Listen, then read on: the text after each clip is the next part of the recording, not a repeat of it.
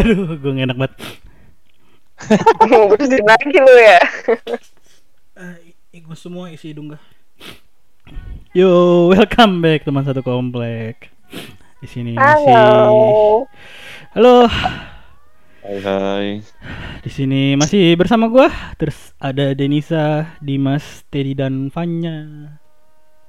Hai hai. Yo, halo, halo, halo. Di sini Hai apa hai. Apa ya? Aduh, sorry gak enak ya. Mau ngebahas. Iya, lagi sakit dia. Mau sakit. Mau sakit. Ah, Ah, di sini segmen gua dan gua mau masuk ke segmen lah unik ya. Ah, unik. lah unik. Lah Jadi- unik. Di segmen ini kalau emang masih baru, Teddy masih baru ya. Formatnya ada lagi nih, Ted. Gue mencerita, lu mendengarkan. Nanti ketika gua meminta pendapat kalian baru dijawab ya. Oke Oke. gue kali ini mau ngebahas yang namanya kanibalisme. Nah, di sini Wah, apa tuh? tahu kan is, apa makna dari kanibalisme apa gitu. Jadi kanibalisme itu bisa diartikan sebagai suatu perbuatan memakan sesama jenisnya. Jenis di sini bukan kelamin ya, maksudnya spesies gitu. Jadi kayak manusia memakan manusia, hiu memakan hiu gitu. Kalau manusia memakan babi namanya haram. Oke. Belum tentu. Oke. Eh, jadi sebelum masuk ke cerita gua nih, beberapa kisah yang pengen gua ambil tentang kanibalisme. Semua di sini sepakat nggak sih kalau kanibalisme itu adalah sesu- sesuatu perbuatan yang biadab gitu, primitif dan tidak beradab lah. Semua setuju apa? Apa ada yang keberatan gitu? Secara gue pribadi iya sih. Biadab gitu ya, tidak berperkemanusiaan. Iya, bener. Yang sejauh lain? ini sejauh ini gue menganggap itu masih tidak masuk akal. Masih tidak masuk akal. Apa ada yang lain? Dimas mungkin lu mau ngomong apa tentang kanibalisme sebelum gua bercerita? Idem lah gue sama. Oke, jadi semuanya sepakat ya ini perbuatan yang tidak baik lah intinya. Bahkan dalam Islam pun mengatakan gibah atau memfitnah orang itu sama aja kayak memakan saudara bangkai saudara sendiri. Artinya konotasi itu kan buruk banget gitu ya. Dalam sugu, dalam semua agama kayaknya deh. gue karena kita di sini Muslim, gue ceritanya Islam gitu. Gue nggak tahu yang lain gitu agama lain. Mungkin juga buruk. Ya, kalau gua kalau gua dalam peribahasa peribahasa Arabnya ya itu apa seperti memakan bangkai saudara sendiri itu buruk banget. Jadi kanibalisme ini praktiknya itu udah dari lama ya dari zaman kapan juga udah ada mungkin zaman sekarang juga ada di bela- belahan bumi lain gitu. Cuma udah dikit gitu loh karena kan mungkin kemajuan informasi dan teknologi dan informasi dan lain-lainnya lah ya. So gue mau langsung ke ceritanya aja nih. Ada beberapa kisah yang gue comot dari sekian banyak gitu loh. Mungkin dari cerita ini kalian agak berpikir lain gitu tentang kanibalisme ya. Jadi kisah pertama ini judulnya Regina versus Dudley dan Stephen. Jadi Regina ini bahasa Spanyol yang artinya Queen. Queen versus Dudley and Stephen. Karena kisahnya ini ada di Inggris kejadiannya. Dan terjadi di abad 19 tepatnya tahun 1884. Jadi di tahun 1884 itu ada apa seorang pengusaha lah beli kapal yah gitu. Seorang pengusaha dari Hmm. Australia membeli kapal yah dari Inggris. Tepatnya pada tanggal Aliana, gitu. yah yah. Iya, Pada tanggal- gitu ya. Iya pada tanggal 19 Mei 1884 itu kapal yahnya sebenarnya kecil gitu loh. Yang bernama Migno Hmm. Mignonet ini yang dari Southampton asalnya ingin ditransportasikan ke Sydney Australia. Jadi berlayar sendiri gitu loh. Jadi si pengusaha ini menyewa empat kru kapal yang yang bernama Dudley sebagai kapten kapalnya. Terus dua kru kapal lainnya bernama Stephen and Brooks dan Brooks juga satu ABK atau anak buah kapal yang bernama Richard gitu. Sayangnya emang kapal ini kecil gitu ya, emang bukan untuk perjalanan jauh. Akhirnya kapal ini pun harus karam gitu di tanggal 5 Juli di perairan Atlantik lah.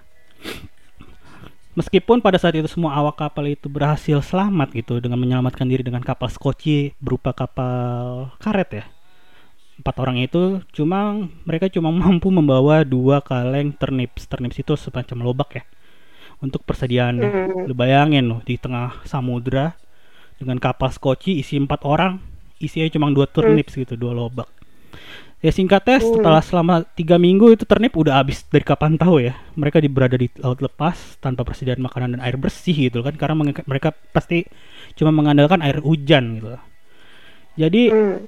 Banyak juga tuh yang cedera gara-gara minum minum air laut. Jadi kalau kalian minum air laut itu jangan asal minum air laut itu bisa menyebabkan penyakit juga kan banyak bakteri di situ selain asin juga kan. Hmm. Hmm. Jadi singkatnya beberapa dari mereka itu ada yang sekarat. Salah satu yang paling yang paling parah itu adalah Richard gitu loh. Ini udah tiga minggu keadaannya mereka udah keadaan lapar parah. Tiba-tiba si Dudley ini melihat Richard yang luka parah terbesit tuh di pikirannya. Gimana kalau kita memakan Richard katanya. Karena udah lapar banget ini orang. Ah gila. Iya. Kenapa mereka si Dudley berpikir seperti itu? Pertama, Dudley itu adalah seorang kapten. Dia bertanggung jawab atas atas nyawa kru lainnya. Yang berarti dua orang lainnya gitu loh. Dan Richard ini Mhm. emang dilihat dari kondisi apa pun itu udah kayak udah nggak bisa selamat lagi dalam beberapa hari. Akhirnya Ya si udah Dud- mati aja. nah, akhirnya si Dudley ini apa berdiskusi dengan yang lainnya. Si Stephen Hmm. dengan Stephen dan Brooks. Bagaimana kalau kita makan Richard katanya? Sebenarnya Brooks itu nolak gitu loh. Tapi karena vote Hmm. di sini kalah suara dua lawan satu ya akhirnya menang juga Dudley. Walaupun Brooks gimana gitu perasaannya. Tapi butuh gitu loh. Hmm. Akhirnya Hmm, tepatnya pada tanggal 24 Juli lu bayangin dari 5 Juli ke 24 Juli itu udah berapa hari gitu loh. Dudley itu mengambil keputusan gitu untuk mengeksekusi Richard setelah sebelum seharinya tanggal 23 Juli mereka berdiskusi dengan Alot. Ya udah eksekusinya singkat sih sebenarnya. Jadi si Brooks itu kan nolak. Nah, si Dudley ini Hmm. menghormati Brooks dengan ngasih tanda udah Brooks lu tidur dulu aja gitu istirahat. Padahal Brooks pun Anjir. udah tahu gitu loh kalau itu tuh hari eksekusi. Brooks Mhm. tidur entah itu pura-pura atau tidak akhirnya Dudley dan Stephen yang mengeksekusi Stephen megangin tubuhnya Richard gitu takutnya masih punya kekuatan untuk memberontak Dudley udah Oh pakai pisau cut tusuk tuh leher cerot Au. Langsung dimakan dagingnya sama mereka bertiga dan darahnya dibuat minuman sama mereka bertiga. Dan dari kejadian itu gue juga agak ngeri-ngeri gimana gitu ngedengernya Eh gue. Ngebay- ya beberapa hari dari eksekusi itu lima hari tepatnya pada tanggal 9 akhirnya kapal kapal layar milik Jerman yang bernama Montezuma itu kebetulan lewat terus nemuin mereka dan diselamatkan dan mereka pada beberapa bulan kemudian tana- pada tanggal 6 September tuh mereka bertiga dikembalikan ke Inggris karena mereka bertiga ini orang Inggris dan udah tahu nih ada kasus kanibalisme di situ terus Hmm, diadili hmm. perbuatannya di pengadilan Inggris Sebenarnya pada saat itu ini jadi perdebatan parah dan alot ya dalam persidangannya. Jadi itu kayak pengadilan umum dioper ke pengadilan tinggi, dioper-oper gitu karena nggak nggak ngerti Karena kasus- kasusnya eh, Sulit. hmm, kayak kasus Iya. baru sih. sulit. Di satu sisi kanibalisme di Inggris itu dihukum gitu loh. Satu sisi bener juga apa yang diper- dilakukan Dudley gitu loh untuk menyelamatkan dua orang ini. Pokoknya singkatnya di persidangan yang alot dan panjang itu akhirnya pada tanggal 9 Desember Dudley dan Stephen dijatuhi hukuman mati oleh hakim senior pengadilan tinggi pada saat itu yang bernama Lord Coleridge dengan pertimbangan pengampunan. Tapi setelah beberapa hari ini nggak ada kabar sama sekali dengan pengampunan. Jadi masyarakat tuh berpikir, wah ini bakalan dieksekusi benar-benar walaupun masyarakat Mhm. agak gimana gitu loh. Karena dibenarkan juga perbuatan si Dudley ini. Akhirnya nggak ada tindakan apa-apa, Dudley dan Stephen dimasukkan kembali ke dalam penjara dan dibebaskan setelah enam bulan masa penahanan mereka. Itu cerita, cerita pertama gitu dari kasus kanibalisme yang terjadi. Ini cerita kedua, gue mau langsung ke cerita Hmm. kedua. Jadi kecelakaan nama nama kasusnya adalah kecelakaan pesawat di gunung di pegunungan Andes. Terjadi pada tanggal eh pada tahun 1972. Jadi kisah itu pada Hmm. tanggal 13 Oktober 1972 ada tuh pesawat terbang angkatan udara yang bernama Uruguay dengan nomor 571 yang pada saat itu membawa 40 penumpang dan lima krunya harus mengalami kecelakaan akibat cuaca buruk saat sedang melewa- melewati pegunungan Andes. Intinya pesawat itu nubruk lah salah satu puncak gunung gitu dan mengalami sobek dan jatuh. Dari kecelakaan ini setidaknya dari 45 orang yang berada di kapal ada sekitar 33 orang yang mampu selamat meski sebagian dari mereka tuh mengalami keadaan dengan luka yang parah. Walaupun selamat, dengan luka parah tidak cukup sampai di situ karena cuaca yang dingin dan juga persediaan yang sangat terbatas itu sebagai ujian mereka semua kali ini. Pokoknya beberapa hari setelah kejadian kecelakaan dan 11 hari tepatnya tim gabungan antar negara-negara di sekitar situ kayak Chili, Uruguay itu menghentikan pencarian ya. Karena udah 11 hari ini nggak nemuin apa-apa. Terus juga terjadi longsor yang menyebabkan 33 survivor itu ada beberapa yang mati karena longsor. Jadi mereka itu bertahan setel- apa sampai dua bulan itu 33 apa yang selamat gitu. Dan persediaan makan habis gitu lapar nih dan terbesit di salah satu orang untuk memakan jasad tubuh yang udah mati dimakan lah Oh, itu. udah mati. Udah oh, mati. kondisinya bukan dibunuh ya. Nah, sebenarnya itu nanti gue pengen bahasnya. Sampai-sampai karena ada yang mati kedinginan, mati karena longsor, luka-luka. Yang hidup Mhm. pun selama yang hidup dan selamat pun mereka pun akhirnya berdiskusi kalau misalkan suatu saat salah satu dari mereka ada yang mati, ya harus rela tubuhnya dimakan gitu.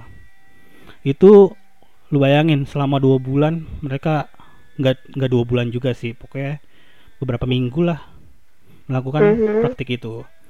Nah, udah di 60 hari ke-60 ini mereka nih udah frustasi ya, bantuan gak datang. Akhirnya mereka memutuskan tim pencari bantuan yang berisi empat orang yang ujung-ujungnya satu orang mati untuk mencari bantuan karena mereka harus melewati puncak Gunung Andes untuk menyeberang menyeberang ke sisi lainnya. Ya intinya setelah mereka bertiga itu jalan sejauh 30 km, 38 km selama 10 hari Akhirnya keberadaan mereka tuh disadari oleh salah satu penggembala yang sedang melintasi jalan. Beruntung lah. Dan akhirnya tepatnya pada hari ke-72 semenjak kecelakaan terjadi, bantuan pun datang untuk menyelamatkan mereka semua dan dari 45 orang yang berada di kapal pesawat awalnya hanya tersisa Mhm. 16 orang. Lu bayangin 45 jadi 16 orang. Dan 16 orang Yang itu bertahan. makan saling makan memakan mayat-mayat Ah, udah yang- ada. Dan kisah ini apa eh, cukup ngetren pada saat itu ngetren. Mhm. Mungkin gua- viral lah ya. Nah, cukup ceritanya dua kisah dulu aja. Gue ingin meminta pendapat kalian gitu setelah mendengar cerita dari gue ini dua kisah. Apa sih yang menurut, menurut kalian? Maksud gue bener nggak tindakan mereka untuk memakan orang di saat di saat yang kayak gitu gitu loh. Meski- Demi bertahan hidup ya. Hmm. Menurut lu gimana Dan? Hmm. Mungkin kalau misalnya kondisinya kayak gitu, ya dibenarkan sih. Cuman gue masih nggak kebayang yang masih hidupnya itu sih itu sengaja dibunuh gitu. Beda hal sama yang cerita kisah yang emang udah mati gitu kan. Maksudnya kayaknya kalau yang udah mati terus kita makan dagingnya, kayak nggak dosa-dosa banget. iya gitu kan maksudnya ya kondisinya dia udah meninggal gitu tapi kalau yang yang satunya lagi tuh yang cerita awal dia emang lagi sekarat gitu lah ibaratnya tuh sengaja dimatiin tuh kayaknya kasihan gitu Ya sebenarnya itu perbedaannya antara dibunuh sama udah mati. Tapi tetap aja kan mereka itu kanibal juga memakan makan spesies. iya iya sih dan dimakan gitu aja gitu ya Iya. Ya. Ya gimana lapar. iya juga sih Jadi menurut lu itu dibenarkan cuma yang membunuh itu agak gimana gitu ya? Iya bener kalau yang udah mati ya udahlah ya gitu kan Makanya yang cerita yang pertama itu kan di sidangnya yang akhirnya mereka dihukum karena pembunuhannya bukan kanibalismenya. iya bukan bukan makannya lagi. Hmm. Lalu gimana Dim? Iya. Menurut lu Dim? Hah? Menurut lu gimana? Apa lu nggak mendengarkan cerita gua? dengerin Ya gimana menurut lu kanibalisme dari dua cerita tadi? Yang pertama yang gue mau nanya itu di Antartika emang nggak ada ikan laut ya Iya kan lu kira jangan non- kayak nonton Live of Pi ya? Berbeda, Enggak, maksud gua- berbeda gitu. maksud enggak maksud gue ya kan gue nggak tahu ya kalau maksud gue kalau selagi masih ada ya mungkin gue nggak tahu kondisinya di sana gimana apa enggak Kan nggak ada pancingan juga gitu loh. Ya, maksud gue kan dia punya apalah punya tombak-tombakan Hmm. atau punya Enggak, sama apa, sekali nggak ada. lah punya apa misalnya gitu. Mereka nih- ini ada cerita yang gue skip. Mereka itu sempat nemuin penyu dan mereka makan penyu juga. Cuma sampai situ doang. Hmm. cuma Tapi ya gue penyu sebenarnya- cuma karena makan penyu itu banyak yang sakit juga karena darahnya udah terkontaminasi sama air laut itu. Hmm, maksud gue ya kalau dari segi gimana ya kalau lagi darurat gitu mungkin sedikit dibenarkan tapi yang nggak dibenarkan mungkin pembunuhannya. Maksud gue kalau pengen makan daging temannya sendiri kalau menurut gue eh gue nggak tahu ya. Maksudnya coba dibunuhnya secara dengan baik-baik gitu. Baik-baik dengan cara mungkin diracunin gitu kan. Itu kondisinya kagak ada racun cuk.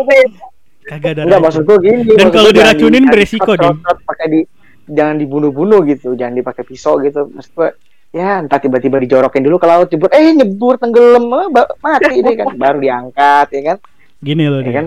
Kalau diracun maksud itu gitu. berisiko lu kena racunnya juga gitu loh. Lu min kan sih. darah itu di sebagai air gitu dan iya maksud gue urusan apa? Lanjutin. Maksud gue ya kalau emang kalau lagi keadaan begitu ya mungkin salah satunya ya ada dibenarkan juga sih nih maksud gue dia makan daging temannya dalam keadaan darurat. Itu kan benar-benar darurat ya benar-benar nggak ada makanan sama sekali gitu ya. Beda lo kalau kejebak di hutan. Mungkin di hutan lo ada tanaman ada apa ada apa gitu kan. Ada hewan-hewanan Hmm. yang lain gitu. Pada serangga yang bisa dimakan atau apa gitu. Tapi kalau kayak jebak di laut benar-benar di Antartika menurut gue sedikit dibenarkan tapi mungkin yang disalahkan ya adalah yang ya ngebunuhnya itu. Nah kalau yang kedua tuh yang makan bangke orang ya hmm, yang udah mati ya. Hmm.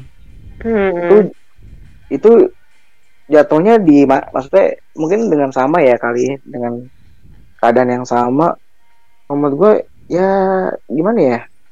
Bisa juga sih. Maksudnya bisa dibenarkan juga dalam kondisi tertentu. Tapi kalau gue lihat gue dengar dari sisi gue kalau gue pribadi kalau lagi keadaan gitu ya kalau gue sih mendingan cari yang lain dah. Maksud gue kalau maksud gue kalau ada misalnya katakan itu ada babi babi hutan walaupun itu haram di agama gitu ya kalau emang nggak ada itu udah makan itu aja udah bunuh makan itu aja udah udah amat dah di Gunung Gitu. Andes makan orang ya. musim dingin Kalau di- kagak ada babi ya siapa tahu tiba-tiba ada babi nyasar kan ini gua nggak tahu tiba-tiba ada beruang beruang gitu beruang kutub Nggak, lu nyasar bayangin gitu kan. itu mayat atau ada serigala ada Mayat. serigala kan bekas kecelakaan kan bentuknya udah nggak kayak gimana ya. iya sih lu bayangin tapi tuh mana ngomong yang eh, goblok kecelakaan itu makanya harus hati-hati. Siapa tahu di dalam badannya kan ada potongan besi atau ada potongan kaca yang masuk masuk ke dalam badan ya kan? Kita nggak tahu main kerau kerau atau besi karat yang dimakan ya kan? Tetanus dulu. Sebenarnya ngomongin eh Fanya dulu deh Fanya. Ya gimana nya menurut lu nya? Ya Mana dia? ya Wah, kan silent. oh AFK Enggak gue pengen sorry, sorry, sorry. lu dengerin cerita gue nggak Yang- Dengerin. ah, menurut Kalau- gimana soal kanibalisme menurut cerita gue tadi apakah Kalau dibenarkan melihat, kalau melihat eh, apa ya, eh, kalau melihat, kalau mendengarkan apa yang udah lu ceritain ya dibenarkan. Karena kan emang kondisi ngelihat kondisi sekarang gini kita lebih baik bunuh satu orang buat eh, nyelamatin tiga orang lainnya kan daripada kita harus eh, mati barengan. Kalau menurut gua gitu ya.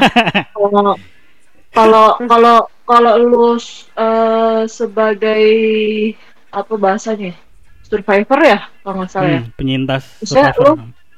Nah, ibaratnya eh, misalkan lu bergerombol nih 10 orang gitu kan.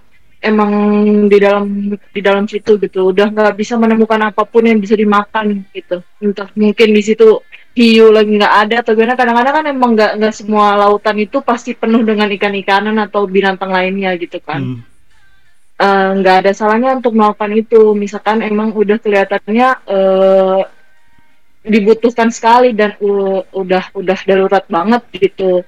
Karena lebih baik kita menyelamatkan 10 orang daripada kita eh, mati bareng-bareng gitu. Daripada kita mati bareng-bareng ya udah wah bunuh salah satunya yang memang perlu gitu. lu kejam juga ya? Nggak kejam dong. Maksudnya gini sekarang gini kondisinya gini. Ada orang sakit kanker ya kan? Hmm, ada orang saya kanker nih udah stadium 4 gitu keluarga misalkan anggaplah keluarga eh, si A sakit kanker udah stadium 4 gitu gue lebih baik eh, membiarkan dia akhirnya meninggal daripada dia harus terus-terusan ikut eh, apa namanya Pengobatan. pengobatan. Iya, karena kan kasihan cuy. Dia juga capek kali gitu. Dan dan itu juga menyakiti kita sendiri sebagai keluarganya atau juga orang itu sendiri sama aja kalau kita dalam kondisi kayak gitu kan kita eh, daripada eh, menyakiti orang-orang yang ada di situ ya misalkan salah satu memang sudah tidak kelihatannya nggak bakal survive ya udah nggak apa-apa Hmm. menurut gue Ya itu juga tidak disalahkan sih kalau menurut pem- pemikiran gitu. Karena sebenarnya gini lah. Cerita pertama itu sebenarnya sampai saat ini tuh biasanya jadi bahan studi kasus untuk mahasiswa fakultas hukum khususnya hukum Hmm. yang meng- apa civil law ya, bukan common law. Sama jadi studi kasus filsafat. Yang dikatakan Fanya itu benar. Kalau dia utilitarianisme. Artinya utilitarian gitu, daya. Ya, bisa Hmm. dibenarkan menyelamatkan dua orang atau nyawa lebih banyak itu lebih baik. The goodness is about amount gitu. Itu utilitarian. Ah, tapi kan kasusnya di sini si Richard T itu sebenarnya masih pengen hidup. Jadi pas ditusuk itu, ditusuk itu Richard T sempet ngomong why me gitu loh. Hmm. Apakah itu tetap Kenapa masih dibenarkan gue? juga? Banyak. sebenarnya nggak mau dibunuh gitu loh. Tapi si ya mana berarti- ada sih mau dibunuh. Keadaan. Eh kali aja ada loh. Ada loh orang mau dibunuh. Ya nggak tahu ya kalau dia emang seneng sama kekerasan gue nggak ngerti sih Bukan gitu maksudnya kasus orang bunuh diri untuk melindungi anaknya. Itu juga mau dibunuh kan? Iya nggak tahu juga ya kalau ngelihat kondisi itu kan kondisi yang berbeda ya cuy Hmm. kalau ngelihat kondisi yang ini kan maksudnya dari eh, apa dari teman-temannya kan udah merhatiin nih oh nih orang kayaknya udah lebih lebih kritis daripada kita gitu Hmm. kan ngelihatnya gitu kan intinya kan Iya. ya udah ya pasti nggak mau mati lah orang mah juga gimana Pokoknya sih lu sebenarnya sebenarnya ya nggak salah juga. Tapi maksud gua si Richard ini juga berhak untuk hidup gitu loh. Iya. walaupun ujung-ujungnya mati, walaupun ujung-ujungnya mati gitu. Tunggu waktu doang, beda waktu. Iya, beda waktu. menurut menurut gue menurut gue egois aja sih Siapa yang egois? ya kalau misalkan nggak mau eh, mungkin karena kondisinya gue nggak di situ kali ya gue bisa Hmm. ngomong seperti ini kalau mungkin kondisi gue nggak di situ eh kalau mungkin kondisi gue di situ gue mungkin nggak bisa ngomong kayak gini cuman kalau menurut gue kondisi saat itu ya emang ya masa mau mati barengan sih gimana sih nggak bisa gitu harus ada yang membawa kabar bahwa gini gini gini gini kejadiannya gitu loh Kan nggak salah juga mati bersama, Fanya. ya kasihan keluarganya nanti nggak ada yang ngasih tahu kejadiannya apa mereka nggak ada yang tahu loh kejadiannya seperti Boleh, apa Pak. harus tetap ada saksi Terlihat lu sebenarnya utilitarian ya. Jumlah banyak itu lebih baik ya daripada tiga sama sekali. iya dong Ya tidak Iya apa-apa. Kayak- tidak kayak tidak usah- nggak usah menyalahkan. jauh-jauh nih nggak usah jauh-jauh kayak kayak covid 19 sekarang gitu Hmm. kalau emang orang-orang yang nggak bisa gue dari kemarin udah berpikirnya kalau gue ya kalau Hmm. gue ini pikiran kalau gue orang-orang yang emang yang nggak bisa dikasih tahu mati-matiin aja ribet banget gue mati sendiri Thanos lu ya, lu tuh Thanos sebenarnya. lu Thanos ya, Iya titisan Thanos lu anjing. ya. Iya bener. Itu itu sebenarnya nggak bisa disalahkan juga dan bisa dibenarkan juga menurut Fanya. Intinya Gimana util- kalau misalnya studi apaan? Gimana kalau misalnya studi kasusnya itu yang di Indonesia kan juga pernah kan? Walaupun dengan kondisi dia kayak apa sih belajar ilmu hitam ya? Oh, Untuk lu mau ngomongin yang- Sumanto. Iya, perbedaannya. Sebenarnya gue juga ada mau ngomongin itu cerita. Jadi ngomongin Semanto ya. Hmm. Kasusnya itu kan di Mm-mm. awal tahun 2003 gitu loh. Heboh gitu. Dia dia makan makan mayat nenek-nenek yang bernama Mbok Rina dengan menggali kuburnya. Jadi ini udah meninggal juga kan. Isunya Oh, sih dia katanya ini melakukan itu untuk ilmu hitam ya. Tapi juga santer Hmm. kabar beredar tuh sebenarnya ada yang mengatakan juga sudut pandang lain katanya itu karena kemiskinan aja. Tapi mau apa pun itu yang faktanya Sumanto itu Mm-mm. kan dimasukin ke rumah sakit jiwa. oh jadi emang dan gila udah ya. udah udah bebas pun dari masa penahanannya itu dia masih tetap tinggal di rumah rehabilitasi Anur Bung Karno Karanganyar di Purbalingga. Hmm. Dan katanya Sumanto juga sebelum makan mayat Mbok Rinah ini juga pernah makan dua mayat lainnya waktu masih kerja di Lampung kan. Jadi isu-isu Wow. isu-isu mencari ilmu hitam itu kayaknya lebih dekat. Cuma kalau gue lihat kalau kalau gue lihat gue pernah melihat Sumanto di TV. Ya emang dia agak saklek kelihatannya. Lu pernah lihat gak sih Sumanto di TV? Eh, iya iya pernah lihat sih emang Agak-agak muka-muka. saklek kan? Eh, Iya iya. Pasti lu berpikir itu karena dia, ilmu dia, itu. dia mukanya kayak gitu dan perilakunya kayak gitu karena apa yang udah dia apa yang udah terjadi di dalam hidup dia cuy Maksudnya? Iya gak sih Maksudnya? kayak misalnya orang yang tadinya normal-normal aja tiba-tiba eh, sekarang gini deh kayak yang cerita lu yang dia di di mana tuh Di mana? yang yang cerita lu yang kedua tadi Oh, Andes, penggunaan Andes. Nah, dia kan akhirnya makan manu- makan makanan ma- eh, makan tubuh orang lain kan Hmm. akan membawa dampak kepada dirinya dia sendiri di mana dia melihat manusia itu bisa aja sebagai makanan juga walaupun sebenarnya dia udah nggak ada di dalam keadaan darurat. nggak tahu ya. Pokoknya Samping yang, ya. Pokoknya dari beberapa survivor yang ngomong itu ya udah yang sampai hidup dia menjadi dokter pun katanya dia nggak bisa melupakan itu tapi dia menganggap menjustifikasi perbuatannya ya karena gue untuk survive gitu dan dia ya sama kayak Denisa berpikir ya gue bukan membunuh gue cuma makan yang udah mati gitu loh gitu dia Ya, dia nggak kan gila tetap dia nggak gila Efek, efek samping, tetap efek samping mentalnya pasti ada mi. Nah, itu maksud gue. Tapi kalau Sumanto ini kan memang kalau gue lihat ya emang saklek sih. Sebenarnya kalau Sumanto ini ada perbandingan nih. Gue ada satu orang lagi nih namanya Hmm. Issei Sagawa. Singkat aja ya. Issei Sagawa ini Hmm. emang dari keluarga sugih gitu, keluarga, kaya. Dia tuh emang Isi. punya kelainan kelainan aneh gitu. Soalnya ini anak Issei Hmm. Sagawa waktu lahir nih prematur. Jadi ada masalah medis, mungkin termasuk otaknya ya. Jadi dia No, ngaku mengecil. di interview device kalau lu mau cari info lebih lanjut itu ada device. Jadi dia mengaku tuh dia waktu masih kelas 1 SD itu udah punya hasrat kanibalistik katanya. Saat Wow. melihat paha teman laki-lakinya. Terus dia juga punya kelainan bestiality. Kalau kalian tahu bestiality itu apa seks sama binatang gitu. Dia katanya pernah gituin anjing Oh. peliharaan ya. Itu masih kecil gitu. Oh iya tuh ada ada ada yang Iya, kayak gitu tuh itu sama ada kayak gitu gitu. Jadi emang ini orangnya saklek gitu loh. Jadi melakukan pembunuhannya itu pas ketika dia lagi kuliah di luar negeri gitu loh. Ngambil gelar PhD. Korbannya itu namanya Re- Rene Hartford, orang Prancis ini. Jadi ini Rene Hartford intinya itu diperkosa, habis dibunuh diperkosa. Diperkosa dulu, habis itu Wow. dimutilasi. Terus dimakan. Terus menurut pengakuannya pas habis dimutilasi apa habis dimutilasi langsung Wow. dimakan itu giginya itu nggak kuat kan gigi manusia untuk memakan kerasnya daging manusia yang masih masih raw gitu masih mentah.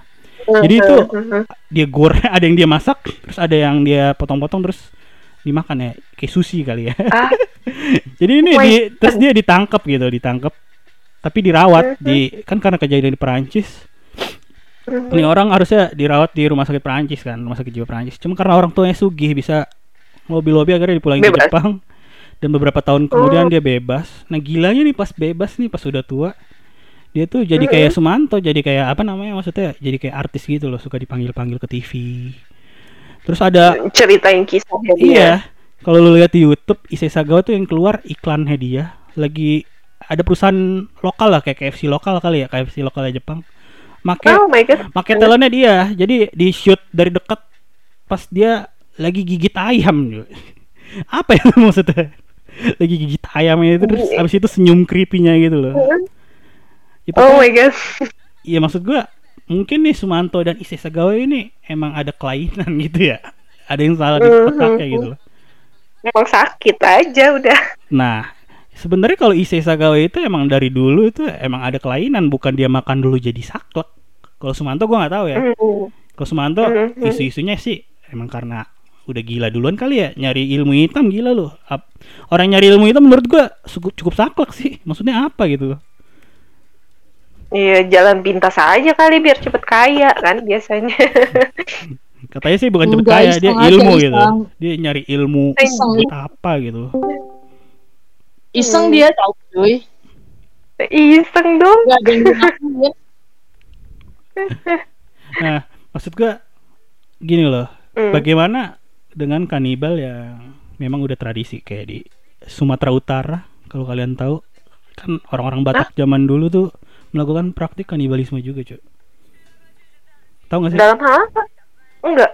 ada kalau lu ke Danau Toba itu nanti ada lu misalkan tour gitu loh ntar di desanya itu ada desa yang pernah bekas melakukan praktik kanibalisme di situ ini kepercayaan ya. Oh. jadi orang yang kanibal apa yang dimakan itu bukan sembarang orang tusuk makan gitu nggak. Biasanya musuh sama keluarga kayak kakek lu misalkan. Kakek lu itu berhak Hmm. berhak dimakan sama keluarganya gitu loh. Ah, katanya itu kayak mungkin ya mungkin itu kayak Hmm. mungkin spiritnya udah pergi spiritnya jiwanya. Tapi spirit dalam tubuh dagingnya itu bisa diturunkan kepada keluarganya menurut lu itu kayak gimana bisa Oh. dibenarkan juga nggak praktik kanibalisme karena kepercayaan karena kita kita muslim juga kita muslim kan juga harus menghargai menghargai keyakinan Mm-mm. orang kan keyakinan dan budayanya sih. Udah udah budayanya atau karakternya kayak gitu ya susah juga mau dituntut hukum juga punya hukum adat sendiri kan sebenarnya. Nah iya. Menurut kalian gimana tuh? Halo Nanda, Nanda bermasuk ya? Nanda tahu nih pasti kanibalisme di Sumatera Utara kan? Lu ngerti kan? Tahu lah lu pasti. Ban- banyak di Batak Iya, Batak zaman dulu. di Aceh juga Aceh. dulu juga begitu sama sebelum sebelum Agama masuk. sebelum Kristen dan apa? Islam. sebelum kerajaan Samudra Pasai Hmm.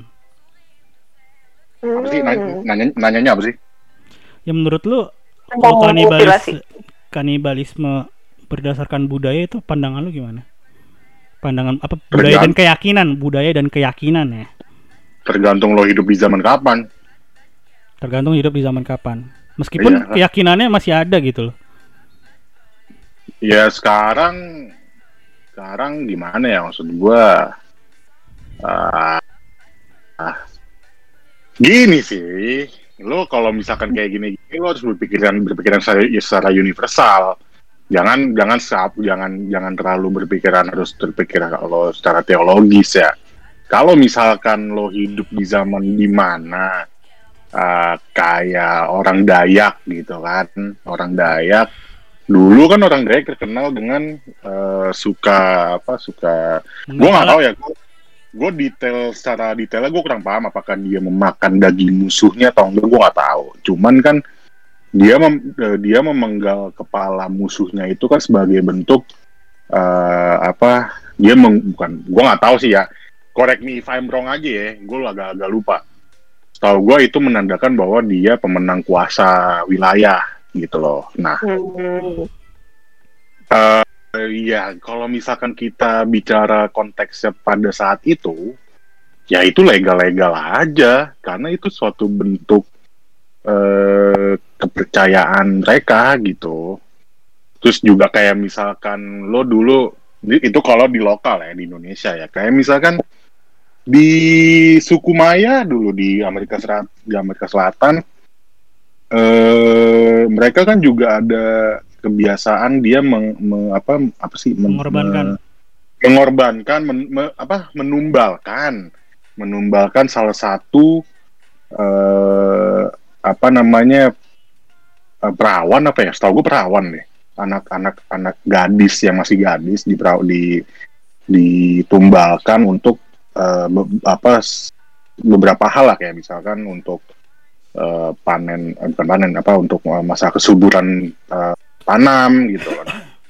Itu ada juga ada yang memang cara tum cara menumbalkannya unik nih. Ada ada yang memang dia ditumbalkan di atas meja meja sesa- seserahan atau Ah. dia atau dia disu bukan disuruh ya. Jadi eh, di kalau nggak salah Den, gue lupa nama muminya apa. Itu ada muminya Den. Ada muminya, gue lupa nama muminya apa. Hmm. Dia itu disuruh di apa namanya apa sih namanya disuruh tinggal di dalam gua di pegunungan api gitu di Amerika Selatan. Apa di mana ya? Lupa gue. Pokoknya ditumbalkan dengan cara ya lo tinggal di gunung sampai lo mati gitu. Nah itu gua ya? nggak tahu ya. Itu itu maksud gua kan itu cara-cara gua kan kalau ini kan bahasa konteksnya kanibalisme kan. Nah. kalau misalkan kanibalisme ya itu ada di suku Inka, di suku Inka, di suku Maya itu cara mereka eh, apa namanya di apa anak anak perawan di di apa dikorbankan terus mereka dimakan gitu dagingnya sebagai bentuk rasa bersyukur gitu. Hmm. Jadi makanya tadi gue bilang kalau misalkan konteksnya kanibalisme dalam hal dalam hal lo dalam maksud gue dalam dalam kehidupan pada zaman it zaman itu ya itu it's okay aja karena mereka percayanya seperti itu gitu. Cuman kan eh, kalau sekarang kan dianggapnya itu terlalu sadis ya. Akhirnya juga kayak di suku Dayak kan setelah kasus Sampit itu kan tahun 90-an tahun 90 berapa tuh? 99 ya, seingat gua. 2000 anjir 2000 ya? 2000 akhirnya kan akhirnya kan setelah kasus Sampit itu tragedi Sampit ya dianggapnya itu terlalu sadis gitu. Akhirnya ya suku suku Dayak. Nah, waktu itu kayak bikin apa sih? Sama apa, memorandum apa apa gitu. Ya mereka tidak melakukan hal seperti itu lagi gitu loh. Jadi berhenti lah jadi kasus tapi emang waktu waktu kasus Sampit itu mereka tidak sampai ini ya nggak sampai makan makan korban yang enggak. Oh. cuman Hmm. mereka hanya hanya membunuh membunuh membunuh sama memenggal kepala gitu Ini memenggal kepala kalung Oh. ah itu terakhir ya setahu gue sih kalau kasus di Jangan kan Indonesia sampit lu di Papua lagi itu juga ada anjir perang suku kayak gitu. iya Zaman cuman kan kayak kalau kayaknya kan itu eh, pokoknya setelah kasus sampai tragedi sampit kan hal-hal kayak gitu kayak dianggap terlalu sadistik gitu loh itu maksud gua Jadi intinya Gitu menurut lu itu pada saat itu karena belum ada hukum dan juga belum ada negara ketika lu ada negara. Bukan Jadi itu hukum tidak nih. bisa. bukan hukum kalau kita bicara hukum justru Hukum Eh, negara cara- maksud gua, hukum negara. kan Ah, pada saat itu belum hukum. bukan negara. Nah, itulah hukum secara formal. Kalau kalau Iya. misalnya kita bicara konteks hukum secara universal, ya eh, itu justru mungkin Itu hukum adat cara-cara ya. Nah, mungkin cara-cara itu ya bagian dari hukum mereka gitu loh. Tapi kalau misalnya kita bicara hukum formal, ya itu tidak dibenarkan gitu. Kalau kita bicaranya konteksnya hukum formal saat ini gitu loh. Hmm. Kayak gitu sih. Meskipun itu kepercayaan. Ada juga kan yang pada zaman pada zamannya dulu itu Susah memakan- nih. Soalnya gini, apa namanya? Taruh taruh dulu tadi mau ngomong apaan? oh, gimana Ted? Ada juga ya kan ada kepercayaannya yang eh, memakan eh, memakan berarti memakan mayat yang Hmm. salah satu anggota sukunya itu sebagai Ah, bentuk iya. penghormatan. Penghormatan pun kan? ada gitu. Nah, Iya, itu ada penghormatan. juga.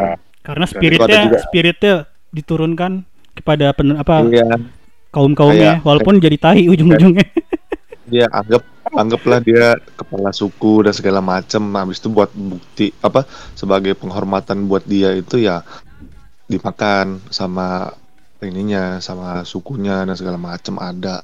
Hmm. Ya tapi benar kata Nanda kalau memang kalau memang pada jadi dia kalau kalau yang menurut gue nih ya gue tidak membenarkan atau apa tapi eh, apa namanya menurut sekar eh, menurut ininya aja menurut zamannya aja hukum yang berlaku gitu loh kalau pada zaman itu ya itu dianggap lumrah ya udah gitu loh kalau sekarang ya nggak mungkin kan itu dianggap umrah Berarti dengan kata lain lu mengatakan itu disesatkan oleh hukum negara. Jadi itu Ah. agama sesat gitu. Hmm, Itu kepercayaan tidak. Enggak sih, enggak mi. Gimana ya? bukan disesatkan oleh hukum negara dong bahasanya tapi kan gini eh, menurut hukum yang berlaku pada saat itu itu dibenarkan gitu loh Enggak, kita karena lu Sementara- ngomongnya hukum. Enggak, itu kan juga sebagian dari kepercayaan, Cok. Itu Iya, kepercayaan. kan- Jadi kalau misalkan Kan di, di mata adat hukum, kan jatuhnya. di mata hukum itu kepercayaan yang sesat berarti kalau di mata hukum negara. Non, oh en- enggak. Gini, eh gue nggak tahu ya kalau kita bahas, bahas hukum maksudnya sama orang hukum aslinya. Gue gue ngebahas hukum secara sosiologisnya aja ya. Hukum tuh dibagi dua sebenarnya. Ada hukum tertulis sama hukum tidak tertulis. Gitu. Hukum tertulis ya ya hukum tertulis ya itu adalah hukum Udah eh, hukum pidana, hukum perdata itu sudah jelas gitu. Tapi kalau hukum yang tidak tertulis itu adalah hukum yang didasarkan atas ke- kesepakatan bersama. Nah, sayangnya, sayangnya adalah eh, kalau di Indonesia, karena gimana ya? Kalau di Indonesia eh, negara itu masih mengakui sebenarnya, masih mengakui hukum adat. Nah, Tapi, tapi, gue kasih tahu, tapi sayangnya kadang-kadang hukum adat itu tumpang tindih dengan hukum formal. Nah itu yang terjadi itu sekarang. masalahnya. nah, Ketik gimana? ya udah itu lanjut.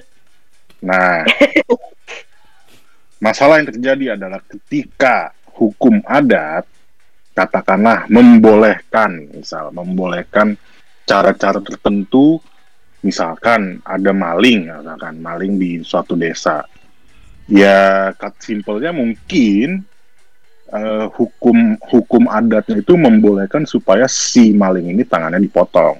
Tapi kalau misalkan kita bicara hukum hukum formal tidak perlu sampai harus dipotong berikanlah eh, orang itu kepada pihak yang berwajib gitu cuman kalau misalkan kalau misalkan eh, yang terjadi di lapangan kadang-kadang eh, orang masyarakat ini itu eh, masyarakat adat ini lebih percaya kepada si hukum adatnya itu sendiri gitu loh. Tapi ya emang bener kalau misalkan emang lo bilang tidak membenar eh, hukum formal itu tidak membenarkan iya benar. Cuman kita tidak bisa bilang kalau itu adalah menyesatkan. Karena se- gimana ya? Hmm, ya sih ya ya sebenarnya negara negara itu mengakui hukum adat gitu aja kayak Nah. gitu loh Sebenarnya untuk kasus kanibalisme kayaknya di KUHP gue nggak tahu ya ada apa enggak. Kalau berkaca Sumanto itu dia tuh dikenain hukum apa pasal 363 ayat 1 angka kelima KUHP. Jadi melakukan pencurian kan dia mencuri ini ya mayat jasad ya ke lokasi kejahatan atau untuk sampai pada yang diambil dilakukan dengan merusak, memotong atau menya- Jadi ada perusakan juga di situ kan merusak jasadnya, merusak ya makam dengan memakai anak kunci palsu, perintah palsu atau pakaian jabatan palsu. Eh pokoknya gitu. Jadi nggak ada kanibalisme. tidak ada itu. hukum tidak ada orang tidak ada neg- negara tidak menghukum orang-orang yang memakan daging manusia kan Tapi gue nggak tahu nih. gue belum baca lengkap sih. Di pasal 314 itu perbuatan itu masuk kategori melakukan secara tidak beradab jenazah yang digali atau diambil. Tuh iya jenazah yang diambil kagak ada ininya. tidak ada hukum yang melarang lu tidak boleh makan daging manusia Mm-mm. simpelnya lu hanya eh, dikenakan hukum kalau lu merusak jasad merusak misalnya lu, lu merusak tubuh orang lah gitu loh kayak gitu Macam. kayak gitu sih Jadi kalau ya gitulah kepercayaannya. Tapi lu menghormati kan tapi kalau ada yang kayak gitu. kalau gua sih Soalnya kan mereka tidak membunuh ya kalau yang kasus pertama, oh, lu nggak ada ya tadi ya. Cerita pertama itu ada adegan pembunuhannya. Yang disalahkan itu yang diberatkan pasti pem ke pembunuhannya. Habis itu udah dirusak lagi Iya. jasadnya. Ya, iya Karena berlapis-lapis itu. Ya, lo yang dikenakan karena ya, ya itu lo memutilasi tubuh korban gitu loh tapi lo tidak dihukum karena lo memakan daging manusia gitu Tapi menurut lu dibenarkan Nah, kan- nggak kalau dengan alasan keagamaan atau keadaan? Gue belum mendengar pendapat lu tadi udah yang lain tuh. Yang lain udah udah bilang bisa dibenarkan mak. Sebagian besar meng- mengatakan bisa dibenarkan tuh Denisa, Dimas, Panya. dalam dalam kondisi itu ya Hmm. susah ya gimana ya kalau di kalau Bisa dibenarkan nggak gitu? lo mau ngebahasnya secara apa secara agama apa gimana apa secara universal universal aja Gak kan usah agama-agama. Ya universal kan aja lo ngomong agama secara universal. Gue baik lagi tergantung situasi ya. Kalau kalau keadaan sama. nih, keadaan nih. ya. Tap- tapi Sama gini, tapi gini ya. Hmm, gue nggak tahu sih, gue nggak pernah merasakan hidup di zaman suku Maya ya. Nggak pernah merasakan hidup di zaman suku Inka. Oke. Masalahnya, masalahnya gimana ya? Masalahnya Jangan gini nggak usah ke suku Maya orang di abad ke-19 udah beradab di Inggris Oh, ada iya. tahun 1972 juga yang lu bilang lu kan tahu ceritanya yang kapal apa pesawat nubruk makan jasad juga ada. Iya. Nah, yang gua waktu yang gue bilang itu yang dia sampai harus uh, memakan tubuh tubuh apa? Tubuh korbannya ya, tubuh, Hmm, tubuh teman-teman yang udah mati. Hmm. Nah, itu kalau misalkan kondisinya kepepet gim- Gim- gimana ya maksud gue? Ya nggak apa-apa. Gue tidak Gua menyalahkan. Iya iya iya ngerti. Gue nggak bisa ngebayangin sih maksud gue. Gue harus makan temen gue sendiri gitu. iya sih. Gue nggak bisa Iya. ngebayangin sih. Gue nggak bisa ngebayangin. Masalahnya gue belum pernah dalam kondisi itu gitu loh. Belum pernah dalam kondisi kepepet kayak gitu gitu. gue juga belum. Mungkin gue kalau sekarang ngomongnya gue akan lebih baik mati daripada makan. Nggak tahu ya. Mungkin di saat itu mungkin insting buas gue sebagai binatang juga keluar gitu loh untuk memakan untuk bertahan hidup. Mungkin ya mungkin mungkin aja gue bisa kayak gitu juga. Mungkin aja. Tapi kalau gue saat Mungkin ini aja. karena kayak itu mendingan gue mati kali ya, ikut mati aja. karena gue kayak nggak kuat gitu anjing. Kalau sekarang ya, kalau sekarang. ya ya makanya bingung juga gitu maksud gue. Enggak, instead kalau nggak lu makan, lu makan kaki lu sendiri gitu, lu motong sendiri. Seenggaknya perut lu keisi kaki, kaki lu gitu. Pincang satu, pincang satu gitu kan. makanya gue nggak ini sih gue nggak nggak bisa ngebayangin sih gue Tapi lu membenarkan ya.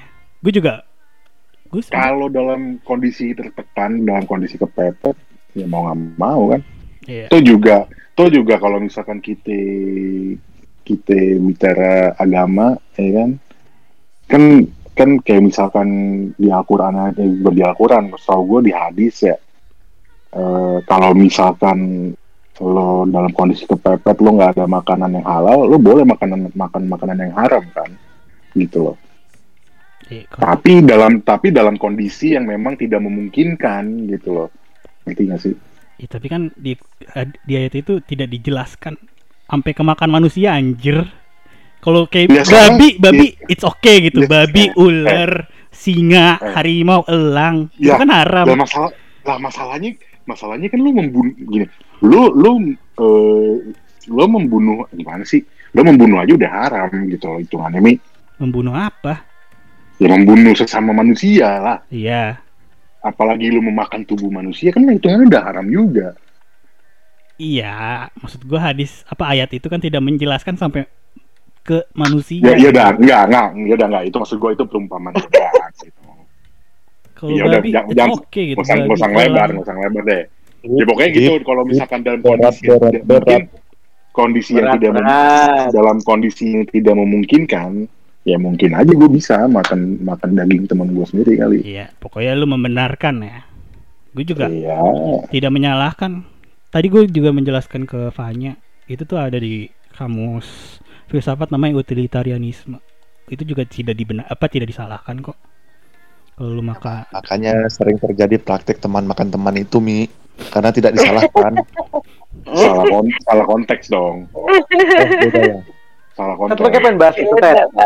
Makan teman makan teman, Ted. Paling- Enggak lah. paling segitu aja kali ya kita ngomongin masalah kanibalisme.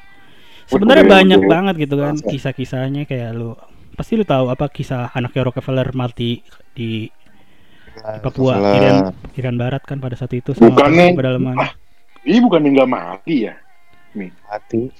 Nah, Ah, kisah iya. gitu terus ekspedisi The Dunner yang harus makan teman seperjalanannya ya sama karena nggak ada makanan lain. Teman-temannya pada gua. mati dimakan. Iya setahu gue yang anaknya Rockefeller itu doi emang emang sengaja menghilangkan diri sendiri Ya Tahu apa pun gua. itu ada catatan atau ada yang mengatakan sampai kanibalisme maksud gua kanibalisme dalam keadaan tertentu dibolehkan mungkin. Dibenarkan bukan dibolehkan ya dibenarkan mungkin tindakannya. Kalau keadaan memang parah gitu. Sama aja kayak lu kayak gini loh nan. Lu dipaksa ngebunuh misalkan lu dipaksa ngebunuh cewek lu sama gue gitu. Gue nodongin senjata ke kepala lu tapi lu harus ngebunuh cewek lu kalau lu mau selamat kayak gitu misalkan. Itu kan lu juga nggak disalahkan yang disalahkan gue gitu yang nodong pistol ke lu duluan yang menyuruh memaksa gitu. Dan konteksnya ini adalah keadaan yang memaksa lu gitu Iya, kalau gue nembak cewek gue, gue jadi egois lah. gue nggak ngomongin ke egoisnya. Oh. kagak ngomongin ke situnya kalaupun lu mematikan cewek lu karena lu karena gue paksa ya yang disalahkan gue Iya, anggap aja guanya itu keadaan gitu loh. Sama cerita-cerita yang sebelumnya gue ceritakan tapi lu nggak ada tadi ya. Kabir. paling segitu aja. Apa ada yang mau ngomong lagi soal kanibalisme ini? Kita singkat aja Emang udah berapa jam memang? Setengah udah satu jam ya. belum belum karena juga Oh. lagi nggak enak apa dan lu mau, apa? mau ngomong apa soal kanibalisme sebelum kita tutup ya apa ya ya itu dia sih balik lagi kalau misalnya yang tentang kalau yang tadi soal hukum adat ya susah juga sih gitu mau Bingung kan lu? budaya kayak begitu iya kita harus meng- di satu sisi di sisi harus budaya. menghormati gitu kan kepercayaan orang di satu sisi ini kok ada yang janggal di hati lu gitu kan iya iya susah kalau udah dipentokin sama budaya tuh ini adalah ini apa namanya fenomena ngambang bin ngambang. Tadi bahasan lu itu mulu Ted. Perasaan mulu lu asli deh. ya itu kalau urusan itu urusan orang hukum lah ya percayain aja sama orang hukum gue nggak tahu apa-apa gitu itu kepercayaan Tapi sebenarnya sebenarnya kalau misalnya kita ngomong hukum adat ya, ya jadi panjang lagi nih. ya, lu mau mengungkapkan apa sama hukum adat Eh, sebenarnya bisa aja mi kalau misalkan hukum adat itu mau disetarakan dengan hukum formal. Contohnya kayak Dayak. Dayak itu kan gini. Kalau secara historik, historikalnya, Dayak itu kan awalnya terpecah ya. Jadi lu satu Kalimantan itu lu ada beberapa macam suku Dayak. Ada beberapa bukan macam ya maksud gua. Ada beberapa katakanlah beberapa keturunan Dayak Beberapa suku. ya beberapa suku Dayak. Jadi Dayak itu nggak cuma satu suku ya. Disclaimer dulu nih. Nah, dulu suku Dayak ini itu saling perang bos dalam satu. Padahal Dayak itu kalau setahu gue Dayak itu masih eh, tidak satu keturunan, enggak satu keturunan. Cuman dia punya satu rum ya satu rumpun gitu. Nah itu mereka dulu saling perang gitu, saling perang eh, untuk menguasai wilayah-wilayahnya. Sampai itu tadi kalau misalkan lu eh, perang gitu kan, ya lu harus bener-bener harus yang sampai mati gitu loh, sampai mati dan itu eh, yang yang musuh yang mati itu diambil dan itu dimasak dagingnya gitu. Jadi Iya. tadi kayak misalkan eh, Iya, benar itu. ah pembuktian tak kayak kalau tadi kan tadi kata tadi itu ada suatu bentuk penghormatan kalau misalkan gua nih gua nih paling berkuasa gitu atau misalkan eh, ya pokoknya intinya untuk meng- mengetahui bahwa ya dialah pemenangnya gitu. Cuman Iya. Kadang ada juga kan apa namanya ada juga yang dia memakan si musuhnya itu sebagai bentuk penghormatan kepada musuh ada juga. ada juga memang gitu. Ada juga. Nah cuman setelah tahun pokoknya zaman Belanda saya ingat gua. Eh akhirnya Dayak itu disatukan. Zaman Belanda Hmm. oleh mem- mem- mem- memorandum apa gitu tahun tahun 18 berapa gue lupa gitu. Ada sejarah ada kok di sejarahnya historikalnya itu disatukan oleh Belanda karena dianggap eh, apa namanya kelak itu berbahaya gitu. Itu berbahaya. Nah akhirnya disatukanlah Dayak gitu disatukanlah rumpun-rumpun Dayak itu. Akhirnya disepakati bahwa hukum adat Dayak seingat gue ya hukum adat Dayak itu masuk dalam hukum formalnya Belanda seingat gue akhirnya itu diakui secara formal gitu Dan Oh, ada cuman- serapan dari situ ya. seingat gue gitu Ted gue lupa Nah, lu Oh. Ingat hukum gua. Indonesia semua hukum tuh juga awalnya dari adat terus dipilah-pilah Nah. jadi hukum negara seingat gua itu seperti itu gitu jadi eh, entah entah eh, entah apakah Dayak yang mengakui hukum formalnya Belanda atau mungkin eh, Belanda ini dia memformulakan hukum hukum apa hukumnya si Dayak itu ke beberapa poin-poin hukum pidana dan perdatanya si Belanda ini waktu itu. Itu tahun pokoknya zaman Belanda lah gitu. Cuman itu eh, sebenarnya ya itu itu untuk kepentingan Belanda lah untuk kepentingan kekuasaan Belanda sebenarnya kenapa dia akhirnya menyatukan Dayak gitu. Cuman itu itu akhirnya menjadi sejarah di mana perlakuan Dayak terhadap musuh-musuhnya dengan cara lo dikanibalin itu berubah nih gitu loh. Jadi itu tidak dibenarkan. Akhirnya sam- akhirnya akhirnya Dayak itu mengakui bahwa itu tidak dibenarkan cara-cara seperti itu gitu loh. Cuman masalahnya karena Belanda ini hanya formalitas saja supaya eh hege bisa bahasa gue ketinggian ya hegemoni eh apa sih bahasa ba- kekuasaannya dia supaya bisa bertahan. Jadi dia dia cuma memanfaatkan itu doang gitu. Supaya ini tidak berbahaya lah gitu loh. Sampai harus eh, dia me- me- apa sih melicuti politik-politiknya Belanda lah pada saat itu. Akhirnya tidak pernah dimonitoring terus sama Belanda. Sampai akhirnya momentum itu itu akhirnya lama-lama pudar. Akhirnya Dayak itu sendiri-sendiri lagi tidak menyatu lagi gitu akhirnya terjadilah tragedi Sampit. Gitu loh. Intinya kalau menurut kata Nanda itu nggak tahu apa tadi gue. Panjang. kayak gitulah itu itu itu salah satu contoh ya. Misalnya lo hukum adat itu sebenarnya bisa diformulakan kayak misalnya lo urusan kanibalisme lah ya. Itu sebenarnya hukum adat pun itu bisa diformulakan bukan diformulakan jadi kayak disatukan lah dengan hukum formalitas untuk menahan perilaku perilaku kanibalisme mungkin bisa aja gitu loh Hmm. Ya.